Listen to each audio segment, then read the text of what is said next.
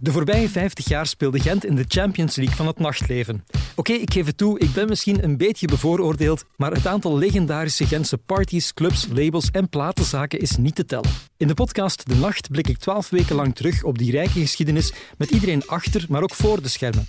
En beginnen doen we bijna vanzelfsprekend op de Kuipersky. Het Gentse nightlife-mekka van de jaren 70 en 80.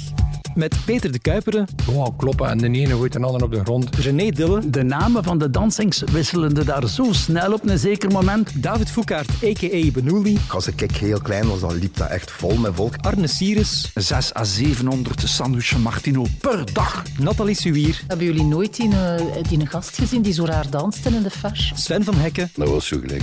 Eén straat vol met de lekkerste spekkenwinkels. En Ineke van Nieuwenhoven. Dat blondje, daar moet niet aankomen, dat is eentje van ons. Die laten op haar gemakje naar huis gaan. Mijn naam is Ben van Alboom en dit is aflevering 1 van De Nacht. Over die legendarische Kuipersky dus. Maar misschien voor wie toen nog niet geboren was, wat was de Kuipersky juist? Een straat van dansings. Teen achter tander. Binnen en buiten. Je begon in een LP, je ging naar de 50, je eindigde in de Fash, je ging dan terug naar de 50. Het was gewoon café in, café uit, maar in feite dansing in, dansing uit. Het was een ontdekking van muziek. Ja. Een ontdekking van muziek uh, die altijd wel een beetje edgy was, dat je nergens kon horen. Dat was Fash, had je daar de New Wave en kwam je dan in, in de LP.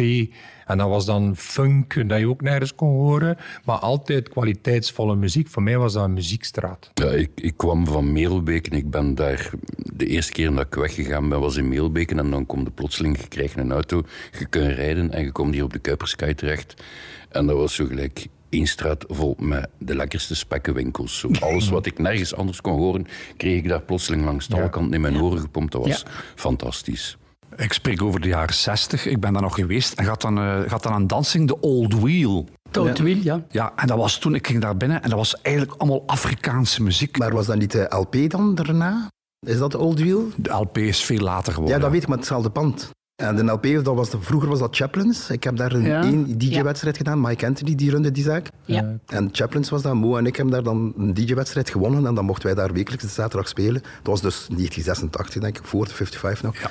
En eh, dus we waren al een stapje dichter bij de 55. We waren in de buurt aan het komen.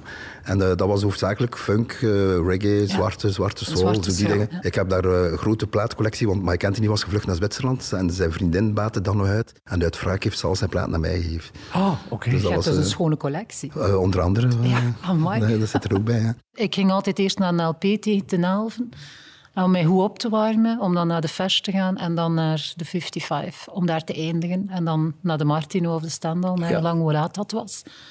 En hoeveel dat er nog overbleef. Maar ik weet toch nog dat ik toen 250 Belgische frank zakgeld had. En dat was de donderdagavond. Alleen de vrijdagochtend was dat op. En dan moest ik een hele week mijn niet, niet meer doen. Omdat het allemaal op was aan drank en aan eten.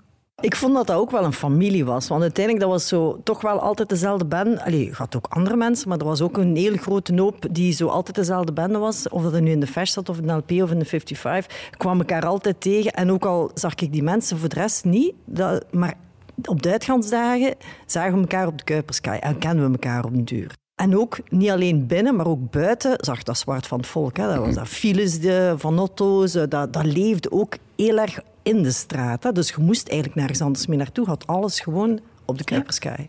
En was de Overpoortstraat destijds ook al zo druk? Of nog niet? Ik, ik ben in Gentse, dus ik heb dat gewoon altijd links laten liggen. maar dat bestond wel al dan. Ja, ja, ja. I guess, ja. De Overpoort is natuurlijk een heel ander verhaal dan de Kuipersky. Maar kort samengevat, de Overpoortstraat was in feite lange tijd een winkelstraat. Tot er in de buurt verschillende homes voor studenten werden gebouwd in de jaren 70. Toen lagen er nog drie cafés in de Overpoort. Vandaag is dat net iets meer. Maar in de jaren 80 was de Overpoort nog lang niet wat het vandaag is. En was de Kuipersky wel degelijk op elk vlak het nightlife-mekka van Gent. En dat was het al heel lang, want in het begin van de 20e eeuw was de Zuid in Gent de stationsbuurt. En wie station zegt, zegt prostitutie en nachtleven. En in de jaren 80, 50 jaar na de laatste trein, was dat nachtleven nog altijd redelijk toonaangevend. Ja, nu let op één ding, wat er eh, zeer essentieel was. We spreken natuurlijk over de muziek, hè, over de dansings. Maar wat is de basis daarvan?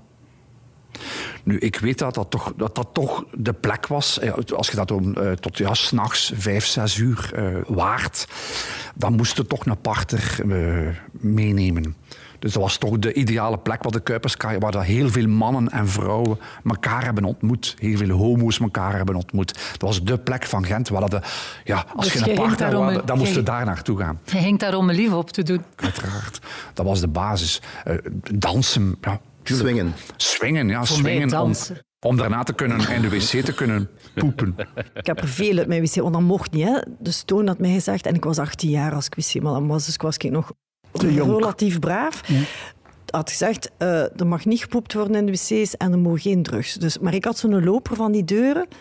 Ja, en ik vond het eigenlijk wel vrij plezant ook om te doen. Als ik wist dat er... Ik zo, ja, nee, nee, nee, nee, met twee binnen het wc, dat mag niet. En dan zo, hasjes, kloppen, kloppen. En eh, ik zei, ah, ik doe hier anders de deur op. En dan dik ik effectief de deur op. Dus kijk, ik vrij veel gezien.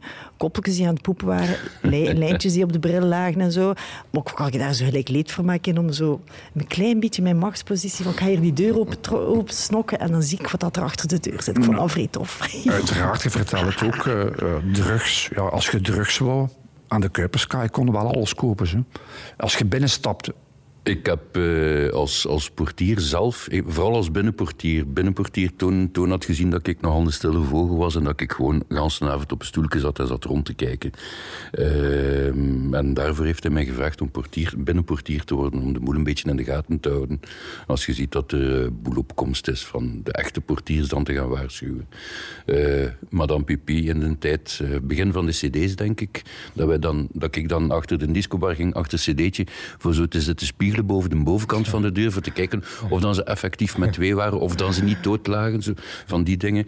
Eh, drugs, ik denk dat de 50 heel goed meeviel van drugs. Eh, er werd een keer een jointje gesmoord en dan mochten buiten gaan verder roken en een week of twee niet binnenkomen. Eh, maar dat was, als je het vergelijkt met nu, was dat eigenlijk Redelijk Fijn. braaf, hè? Ja, en op een dat fijne ook. manier eh, werd er daar recreatief met drugs omgegaan. Mijn jeugd is Ja. natuurlijk de jaren 70 tot de jaren 80. Dat was nog heel kalm. Nadien is natuurlijk alles geëxplodeerd en dat is natuurlijk groter geworden. Maar zolang dat ik uit geweest ben, wij hebben dat allemaal niet meegemaakt. Dat was te braaf in mijn jeugd. in Maar er was nog geen ecstasy. Hè. Eh, Nee, er was Summer- niks. Summer Ja. of Love is 88, dus dat is, eh, ecstasy is er maar later gekomen. Tegen dan was de Kuiperskaai gedaan. Dus, dat was het einde. Dat was het einde hè. Ja. Ik, ik vond het plotseling vrij raar dat mensen tassen warm water begonnen drinken. Ja, met suiker, met suiker, met veel suiker. Ja, ja. Misschien even voor de Nederlandse luisteraar van deze podcast. Poepen betekent in Gent iets heel anders dan bij jullie.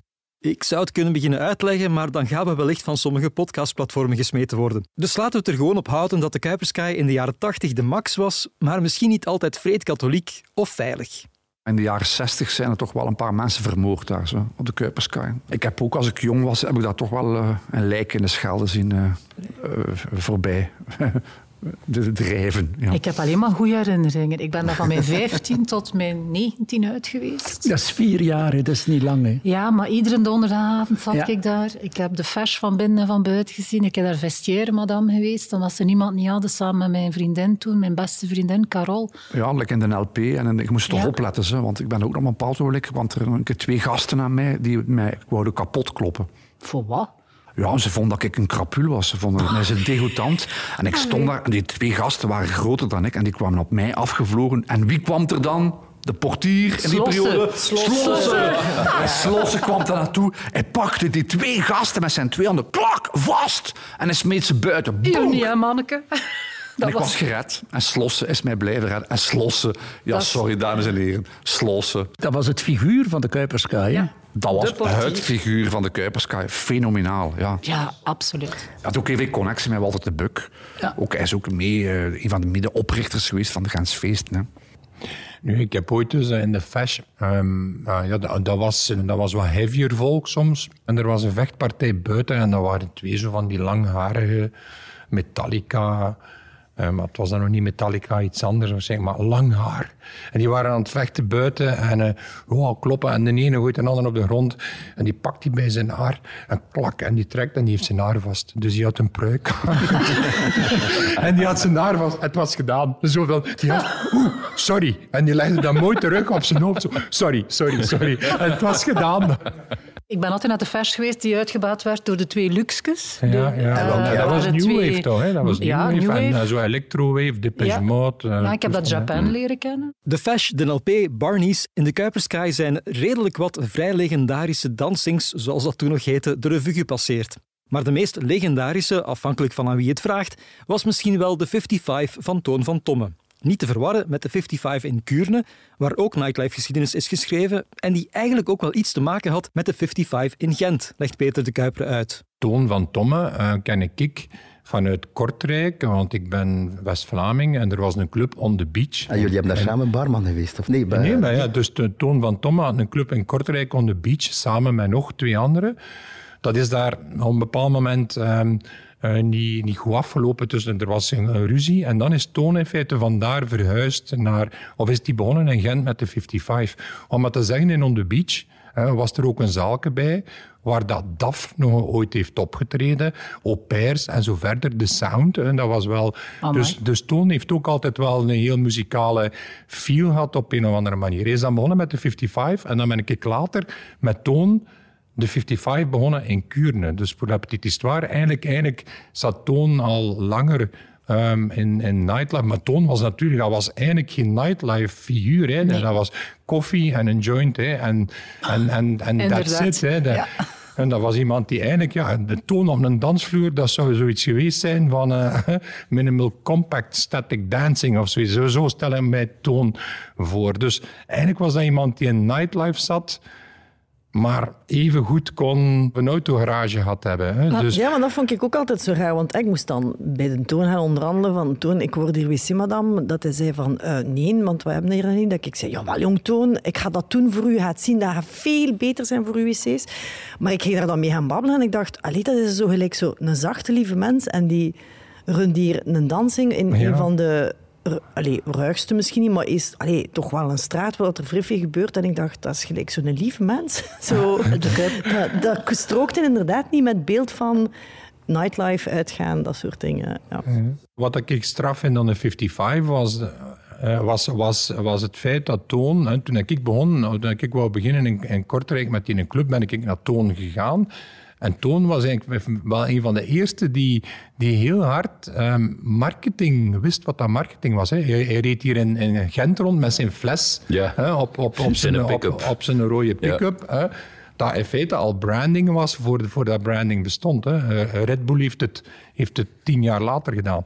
Maar dus, ik vond dat 55 eh, met Mark. Eh, Mark was de, de grafisch ontwerper en die zat daar boven of beneden, ik weet niet waar. Boven, boven. In daar- badkamer. In een soort van, van ateliertje waar dat er werd gezeefdrukt, zelfklevers en onder een duur t-shirten werden gemaakt. Dus Toon was een van de eerste die begreep dat een merk een merk was. Hè. En toen dat we begonnen in Kortrijk met de club, of in Kuurne, was, hoe gaan we dat noemen, was Toon die zei, we gaan dat ook 55 noemen. Dus die had een soort van franchise in zijn gedachte van, we gaan in elke stad, hè, het is niet verder gelaagd dan dat. Er waren ook twee zalen in de 55, hè, wat Ja. ook al beneden, redelijk ja. uniek was. Hè. Een kelder waar hij eh, tegen het plafond zat en dan daarboven nog... Dat was later pas. Hè. Eerst was het de kelder. Mijn Ja, mama die ja, zat daar nog ja, bovenaan. ja, ja. Dan later was het er boven bij. Ah, ja, en, voilà, Maar ja, dan, dan is dat inderdaad ook twee zalen geworden. En allee, ik vind dat Toon op dat vlak eigenlijk, eh, zonder dat hij misschien besefte, een, een, een grote marketeer was, of een goede marketeer was. Wat, wat mij vooral opviel als ik de eerste keer in Gent kwam en in de 55 was eh,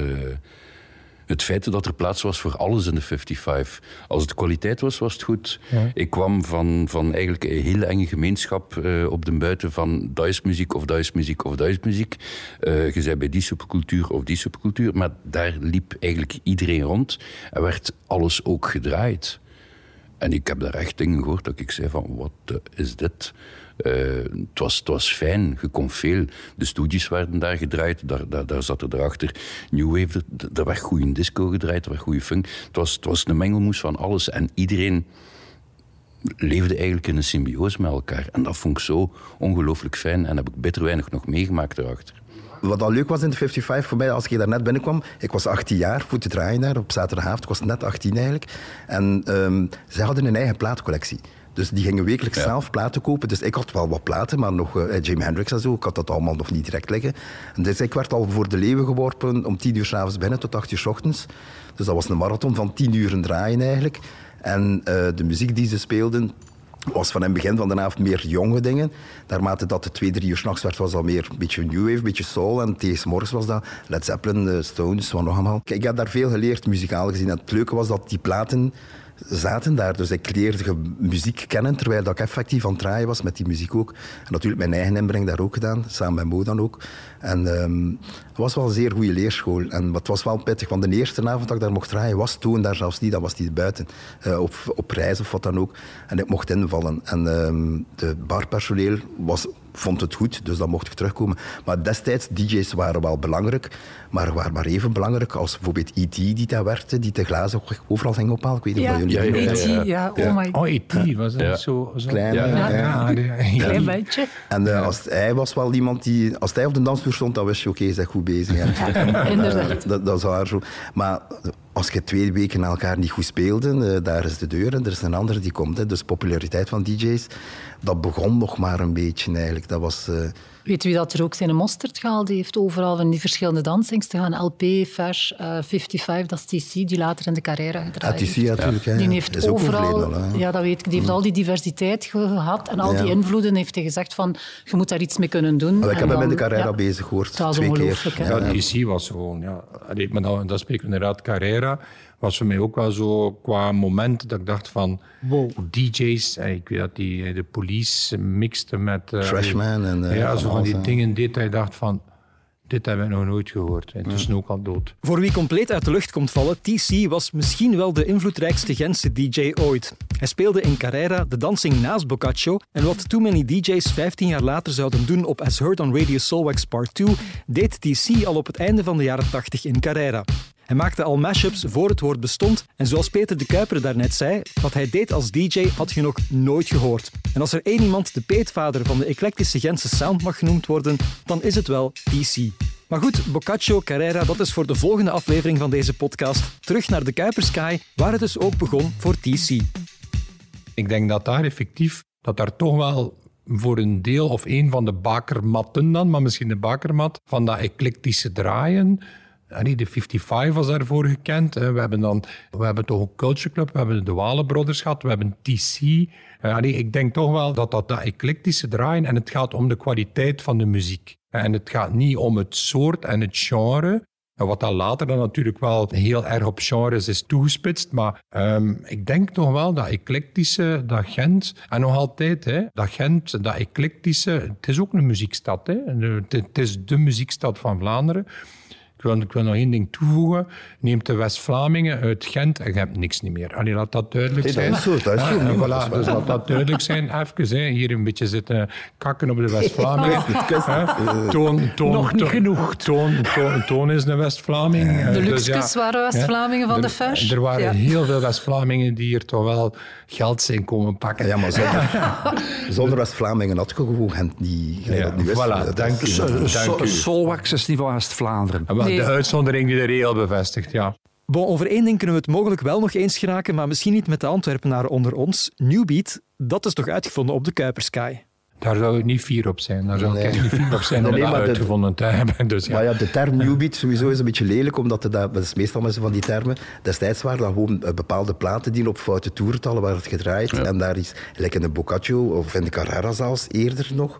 Ik heb in de Boccaccio in, en de AB, dat was in Antwerpen. dan. Antwerpen, ja. Maar dus die muziek die gespeeld werd daar, als ik platen hoorde op foute toerentallen en dan in één keer in de Boccaccio, heb ik fenomenaal. Ik heb daar één jaar op zondagavond, bijna elke zondag geweest, en dat was in 88 denk ik, of ik weet niet meer.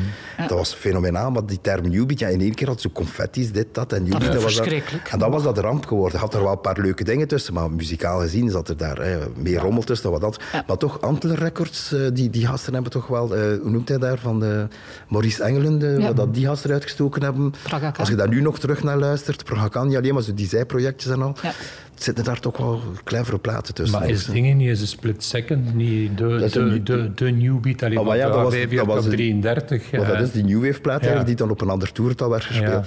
En dan weet ik nog goed Dead Eyes Opened van Severed Heads. Dat is zo'n Australische New Wave groep eigenlijk. Eh, die plaat waren wij gewoon om te horen uh, op 33 toeren in plaats van 45 toeren, dus de maxi-single. dan opgepitcht bij 8% sneller. En wij waren dat gewoon om dat op die manier te horen. En mijn papa, die dus in Spanje was, die heeft daar ook een paar clubs gerund. En er was daar één dansing die mij enorm aan de fashion die denken, behalve dat het helemaal open lucht was. Transzee noemde dat. En dat was Chimo Bayo van Estasi. Estano. Dus dat was de DJ daar. Dat was nog voordat hij die een single uitgebracht had. En die draaide vanaf 8 uur s ochtends ging dat open. Dat zat dan vol met zo'n New Wavers, uh, zo allemaal gotische kerels. En daar hoorde ik voor het eerst dat hij daar zo op 45 toeren in plaats van 33. Dat was echt zo, uh, wat is dat hier? Die speelden dan twee platen door elkaar met links, rechts, bepaalde trucken. Dus dat was geschift om dat te horen dat wij hier in België eigenlijk ik denk dat, dat er niet veel andere landen waren die daarmee bezig waren, met, met die muziek op die manier zo te spelen. En dat genre dat daaruit voortgevloeid is, dat natuurlijk heel populariseerd. En dan met die onnozele auto-badges en wat nog maar. En die dansjes ook. Dus, uh... Wie vandaag nightlife zegt, denkt daarbij al snel ook aan strakke interieurs of aan empty warehouses. Maar in de jaren tachtig werd er in Gent allemaal nog veel minder over nagedacht. Tot één club daar verandering in bracht. Nu, wat ik wel... Um een, toch een interessante club ook. Dat er is bijgekomen, dat was die een Barnies op een bepaald moment. Hè. In dat gebouw van, uh, van, van, van Erken van Wast, uh, Electrabel, whatever. Dat was, zo, dat was zo toch wel een club waar, dat, waar, dat, waar dat de 55 eigenlijk... Je kunt niet undergrounder zijn dan, dan dat was opeens zoiets, iets heel clean, iets heel dingen. Ze hadden een DJ wel volledig verkeerd gestoken. Ja. Wel, ja, maar dat, dat was toch zo voor mij zo voor de eerste keer van wow, een club kan ook wel iets anders zijn dan een vuil, ja, donker kot. Dat was ook een groot verschil in het publiek op donderdag. De 55 had wel een specifiek publiek, omdat de donderdagavond werd er heel veel, al heel vroeg acid house en, en heel die, die early house dingen eigenlijk. En Erik was niet zo'n heel goede mixer, ik weet dat nog. En hij nam veel cassettes op en ik was daar ook. Ik heb hem dikwijls vervangen omdat hij in het leger moest dan. Of om vijf uur s morgens moest hij weg naar Brussel voor naar het leger te gaan en dan nam ik over tot negen uur s morgens. Maar, um, dat waren de leuke tijden eigenlijk om, om daar te draaien, omdat de muzikaal kon je dan echt meer uh, in, in een underground house. Uh, hetgeen dat op dat moment eigenlijk wel uh, vrij obscuur was sowieso. En de donderdag was een groot verschil met de zaterdag. Ik was eigenlijk de vaste DJ op zaterdag. Zaterdag was het heel allround, heel breed. Dus echt heel breed muziek. Maar op donderdag kon je heel echt in een bepaalde niche blijven. En, hmm. en dat was wel plezant om te doen eigenlijk. Dat vond ik zeer leuk om te draaien. Ik heb er ook veel uit geleerd. Eh, Want in de Kuiperskei, de donderdagavond kwamen van overal. Hè. Van Kortrijk, van Antwerpen, van Brugge. Omdat die muziek uh, ook iets van, vrij uniek was in die periode. Maar in het, weekend zat dat daar even vol, zo. Ja, in de, in maar het was iets meer, loka het was meer lokaal. Hè? Ja, misschien meer wel. Ja, mensen. Dat, kan. dat wel, ja. zaterdag vond ik wel. We zijn al even bezig over het nachtleven, dus wie intussen een klein hongerke heeft gekregen, dat is helemaal normaal. De nacht, dat is drinken en eten. Meer nog, allicht even belangrijk als de 55 en de Fash voor de geschiedenis van de Kuipersky, is, en het ligt er nog altijd, maar het is niet meer open tot 5 uur s ochtends, de Martino. Oh, ja. daar kan ik heel veel over vertellen, over de Martino. Oh, my Yves, oh my god. Je kunt daar, ik weet niet, een boek over schrijven. Uh, en, en, en hoe heette zijn zus? Pascaline. Pascaline. Ja. Ik heb daar een theaterstuk over gemaakt. Ja, het is juist. Absoluut. In 2003 heb ik dan uh, al die mensen van de, van de Martino geïnterviewd. En ik heb dan hier in de Vooruit heb ik dan, uh, een theatervoorstelling gemaakt over de Martino. Dat je dat niet weet. En Martino wordt altijd ontzettend veel gespeeld door alle amateurgezelschappen in Vlaanderen. Dat is een gigantisch populair stuk. Ik zou zeggen, dat is, ja, dat is toch een portret van uitgaan en eten uh, in de weekends. Martino, uh, het was ook wel uh, à la tête du client. Als, ja, het, als het Yves niet aanstond, dan ja. mocht het ook niet binnen. Je moest nee. daar ook een ledkaart hebben om in de Martino binnen te mogen. Maar ja, ik heb het nog gekend als zijn vader.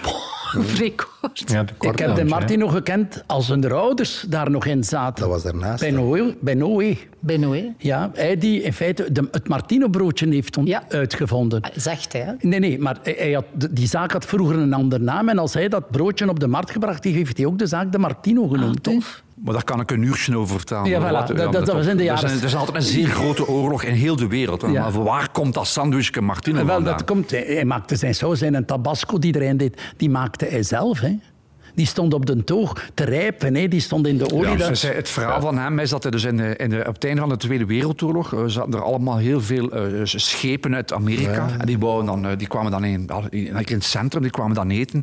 En op een bepaald moment kwamen ze binnen in de Martino. En ze vroegen iets very, very hot.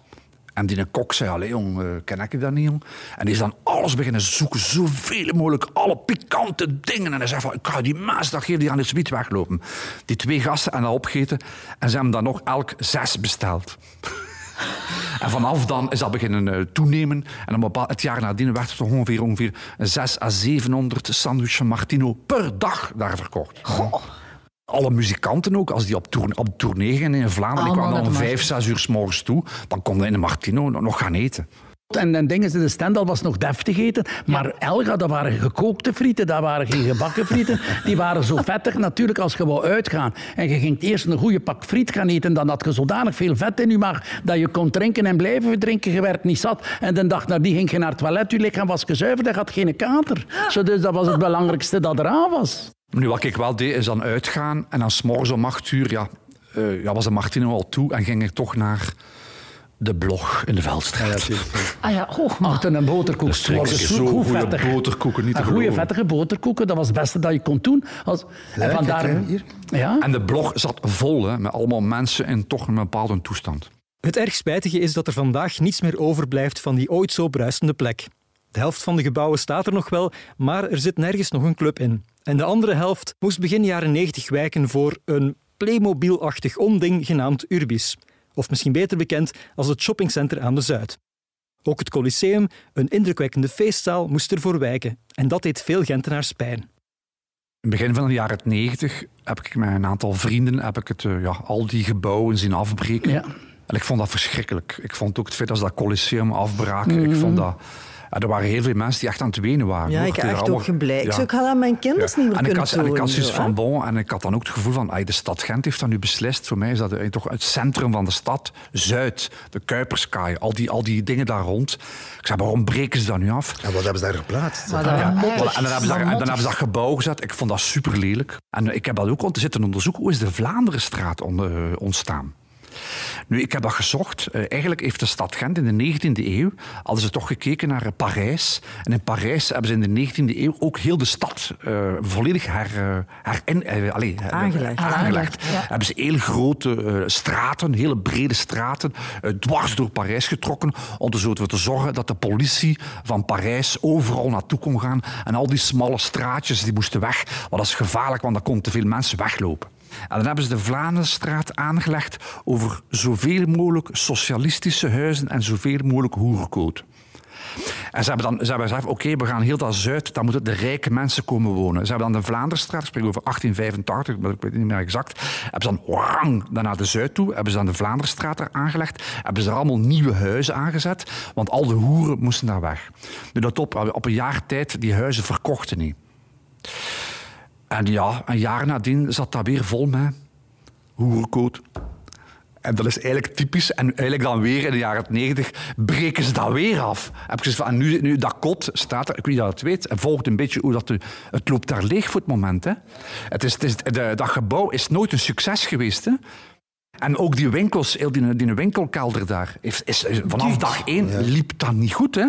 Dus eigenlijk dat concept, ik kan zeggen tegen de stad Gent, kom jongens, overlegd en ietsje meer met ons. Wij zijn ietsje praktischer als het gaat over uitgaan en leven en een partner ontmoeten. Voor wie bloemen of kransen wil gaan leggen, de 55 lag waar vandaag de melkafdeling is van de match. En de Fash die zat in het gebouw waar daarna nog lange tijd een piepshow zat. Een piepshow van Toon van Tomme. Wat Toon die is, dus, uh, als de, die is denk ik onteigend, dus die moest daar stoppen, de 55, omdat dat dus hè, alles werd onteigend daar sowieso. Uh, en dan is hij dus eigenlijk een beetje in de seksindustrie beland. Dus dan hebben ze de bioscoop ABC in de Brabantam. Ja. En de Dampoort ook een bioscoop, ja. seksbioscoop. En de, um, tegelijkertijd ook de piepshow, dus waar dat de Fash geweest was, daar is er dan de piepshow gekomen. Ik denk dat eigenlijk degene die dat heeft in gang gezet, of die daarmee bezig was met die piepshows, voor zover dat ik me kan herinneren, was dat de leverancier van de koffiemachines. En, uh, ja, en ik kan nu niet op zijn naam komen, want dat is, uh, by the way, Toon was een koffiefanaat. Was ja, de, dus dat is een koffie, dat moest altijd perfect zijn. Um, en dat was, maar ik kan niet meer op zijn naam komen, want uh, die heeft ook dan de koffiemachine geleverd bij mij in, in Kuurne vroeger. En ik weet dat Toon dan begon en dat jij bezig was, die leverancier van in elke stad is er plaats voor een piepshow. En die was daarmee bezig en Toon heeft dat samen met hem die een eerste piepshow gedaan. Ja, dus, dus ja, te zeggen, hoe is dat begonnen? Ja, dat was de leverancier van de koffiemachines. nee, maar dat was ook met die portier, en hoe noemt hij? Danny. Danny. Danny. Ja. Die doet dat nu nog. Hè. Die, die is nog altijd de piepshow aan de Dampoort. doet hij nog steeds. En de ABC. En de, Ja. eh, Ik heb dan nooit begrepen dat toen daarin gestapt is. Wat dat, is, dat is geld, dat is money, market. hè. Money, money. Money. Voilà, van tonen wat dat nu een dansing was, of een piepshow, of een frituurderij, of, of een garage. ja. Voor hem was dat eigenlijk, het product deed er niet toe. Dus hij, ik heb, dat was geen passionate eh uitgaander, hè, absoluut niet. Toon, toon ging om geld, maar op een correcte manier. Maar als hij moest seks verkopen, dan verkocht hij seks. Geen probleem. Ik weet wel nog altijd, ik was zo niet direct aangetrokken als vrouw om naar de piepshow te gaan. eh, maar ik weet wel dat ik elke keer als ik er passeerde, dat ik dacht... En zou het een beetje goede muziek zijn dan, waar dat die meisjes op dansen? Omdat, hè, met zo de referentie van de 55 van... eh, het zal toch niet te cheesy zijn dan? Maar is er iemand van ooit binnen geweest in de Ah, piepshow? Ja. Dikwijls. ja, En was het een beetje kwaliteit van muziek? Dat gaat niet voor de muziek naar daar, hè? Ja, nu in 93 is dat daar eh, gestopt op de Kuipersky. Dat was een beetje, weggezakt. Let op, het is wel ontploft hoor in Gent. Ik spreek als ik over de technopartners. Je hebt dan 10 Days Off, je hebt I Love Techno, Cosmos. Het is niet gestopt. Hè. Als je gewoon dansen op wilde muziek... Er zijn toch fantastische plekken bijgekomen. Ah, ja, maar zo dat, die straat waar je van het een naar het ander kon lopen, dat hebben de, je hebt dat nu een beetje in de Overpoort, maar bedoel, dat zit dan alleen maar West-Vlamingen. Dat heeft niets meer met Gent te maken. De ziel is, ik vind dat de ziel uit de stad is, echt waar. Dat is een studentenbuurt, dit Overpoort. Je kunt dat niet meer vergelijken met de, met, met, de- met de Kuiperskaai. Dat is onvergelijkbaar. Ja, maar om eerlijk te zijn, ik vind allee, over clubs en dingen. Gent is toch wel een stad die op dat vlak open is. Ik bedoel, ja, eh, nee, nee, neem nu om even naar, naar het heden te gaan. Kompas is alleen mogelijk in Gent en misschien in Brussel. Dus, eh, Ja, dus, en- In en- en- Antwerpen niet? in Antwerpen niet. In Antwerpen gaan ze dat sluiten. En ik, ik vind op dat vlak, ehm, maar ik spreek dan meer vanuit de periode van, van Isle of Techno. Isle of Techno was alleen mogelijk in Gent. En ik herinner mij een, een, een, eh, vergadering, coördinatievergadering met Frank, Frank Beek. Hè? Frank Beek, Frank Ehm, die, die op dat moment, waar iedereen er tegen was, en dat Frank Beke zei van... I Love Techno, dat is iets dat goed is voor de jeugd. En dat moet alle kansen krijgen en dat moet kunnen doorgaan. Terwijl dan een procureur het aan het afbreken was en onder en duur. Ik heb mij altijd heel welkom gevoeld in, in Gent. Allee, als je kijkt naar wat dat er mogelijk is in Gent, van Kuipersky naar I Love Techno, naar Cosmos, tot een Kompas, en tot een Decadence, die bij momenten toch wel redelijk wat de- heavy, de- hè? decadent was. Hè, allee, bedoel, ja, dat kan allemaal en dat wordt gedoogd op een manier in Gent. Glasnost. De glasnost. hè. Ook zoiets. al. Ja, oké, nu gaan we er nog een paar noemen. Maar kijk naar de Dat, dat charlatan. overal. Hè. Ja, natuurlijk. De charlatan is toch ook... Dat kan niet overal zijn, de charlatan. Dat kan ik u garanderen. Gent naar zijn koppig, Gent naar zijn eigen wijs, zijn eclectisch. Ja, ik vind dat... Je kunt dat met geen een Nee, andere... en ook veel Nee. collega-dj's die, die over de jaren heen naar hier gekomen zijn. In de periode van 10 Days Off natuurlijk, dat was tijdens de feesten. Als die dan om 7 uur 's morgens op de Vlasmarkt met een Irish coffee staan, die, die kijken hun ogen uit. Dat, dat hebben ze nog nooit gezien. Dat is super vrijgevochten. Dat is ongelooflijk dat zoiets de dag van vandaag nog kan. Ja, nu ja, kan ik het vind niet, dat maar... ook. Chapeau voor Gent op dat vlak. Chapeau voor Gent. Allee, we zijn goed bezig in Gent. We hebben nu ook een actieplan Nightlife, een Nightlife Coach, een Nightlife Council, maar natuurlijk ook corona. Hoe kijken Peter, Dille, David, Arne, Nathalie, Sven en Ineke naar de toekomst van het Gentse nachtleven? Rooskleurig. Ja, ik denk dat het gaat ontploffen gewoon weg. Een keer dat ze terug buiten gaan mogen, heb je dat toch gezien op de Sint-Pietersplein. Ik heb twee gasten thuis, eh, Ik van ook. 23 en eh 21. Mijn zoon is een die naar de Fuse gaat, naar de Kompas. Die echt een uitga... Kei goede smaak Mijn dochter trouwens. Ik ben ook, zo mijn blij zoon. met mijn, eh, de muzieksmaak van mijn zoon. Ehm, een vreemd uitgaander. Man, die, die, die gasten zeggen, wanneer komen die Roaring Twenties? We zijn Ja. zo klaar daarvoor. Ik heb het juist Echt van de morgen gehoord van mijn dochter. Die is 21, die zit ook op haar tandvlees. Ja, die normaal zien ook naar de Fuse en naar Kompas. Mijn zoon ook, die is 27. Die zegt ook van, oh, het is genoeg geweest. En het is echt wel genoeg geweest. Dit was aflevering 1 van De Nacht, een podcast van Puur Gent, Visit Gent en Stad Gent. Volgende week deel 2 over Boccaccio, Carrera en Balmoral. En intussen kun je altijd al even deze podcast volgen en liken. En als je bij het beluisteren van deze aflevering een acuut geval van knaldrang hebt gekregen, ideaal, want er staat ook een playlist op Spotify, samengesteld door de hoofdrolspelers uit deze aflevering. Gewoon op Spotify even zoeken naar De Nacht en Kuipersky. En voor wie alle legendarische plekken uit deze en alle andere afleveringen wil zien, is er ook een heuse wandeling. Je vindt die op walklocal.gent. Ik ben nog altijd Ben van Alboom. Pieter Santens van House of Media nam de opname en montage voor zijn rekening. De productie lag in handen van Bart Meiskes en Floor Windel stekende voor de vormgeving. Dank ook aan Kunstencentrum Vooruit, Walkie Talkie, Louisa Salens, Tom van Houten, Thierry Bogaert, Jules Gahide, Lana Bouwens, Louise-Marie Kerkhoven en Stefan Brakke. Oh, en trouwens, alle volgende afleveringen zul je eerst twee weken exclusief kunnen beluisteren op de website en in de app van De Morgen. De krant die ooit niet zo ver van de Kuipersky is begonnen. Geen abonnement? Geen probleem. De eerste vier weken zijn gratis. Tot de volgende.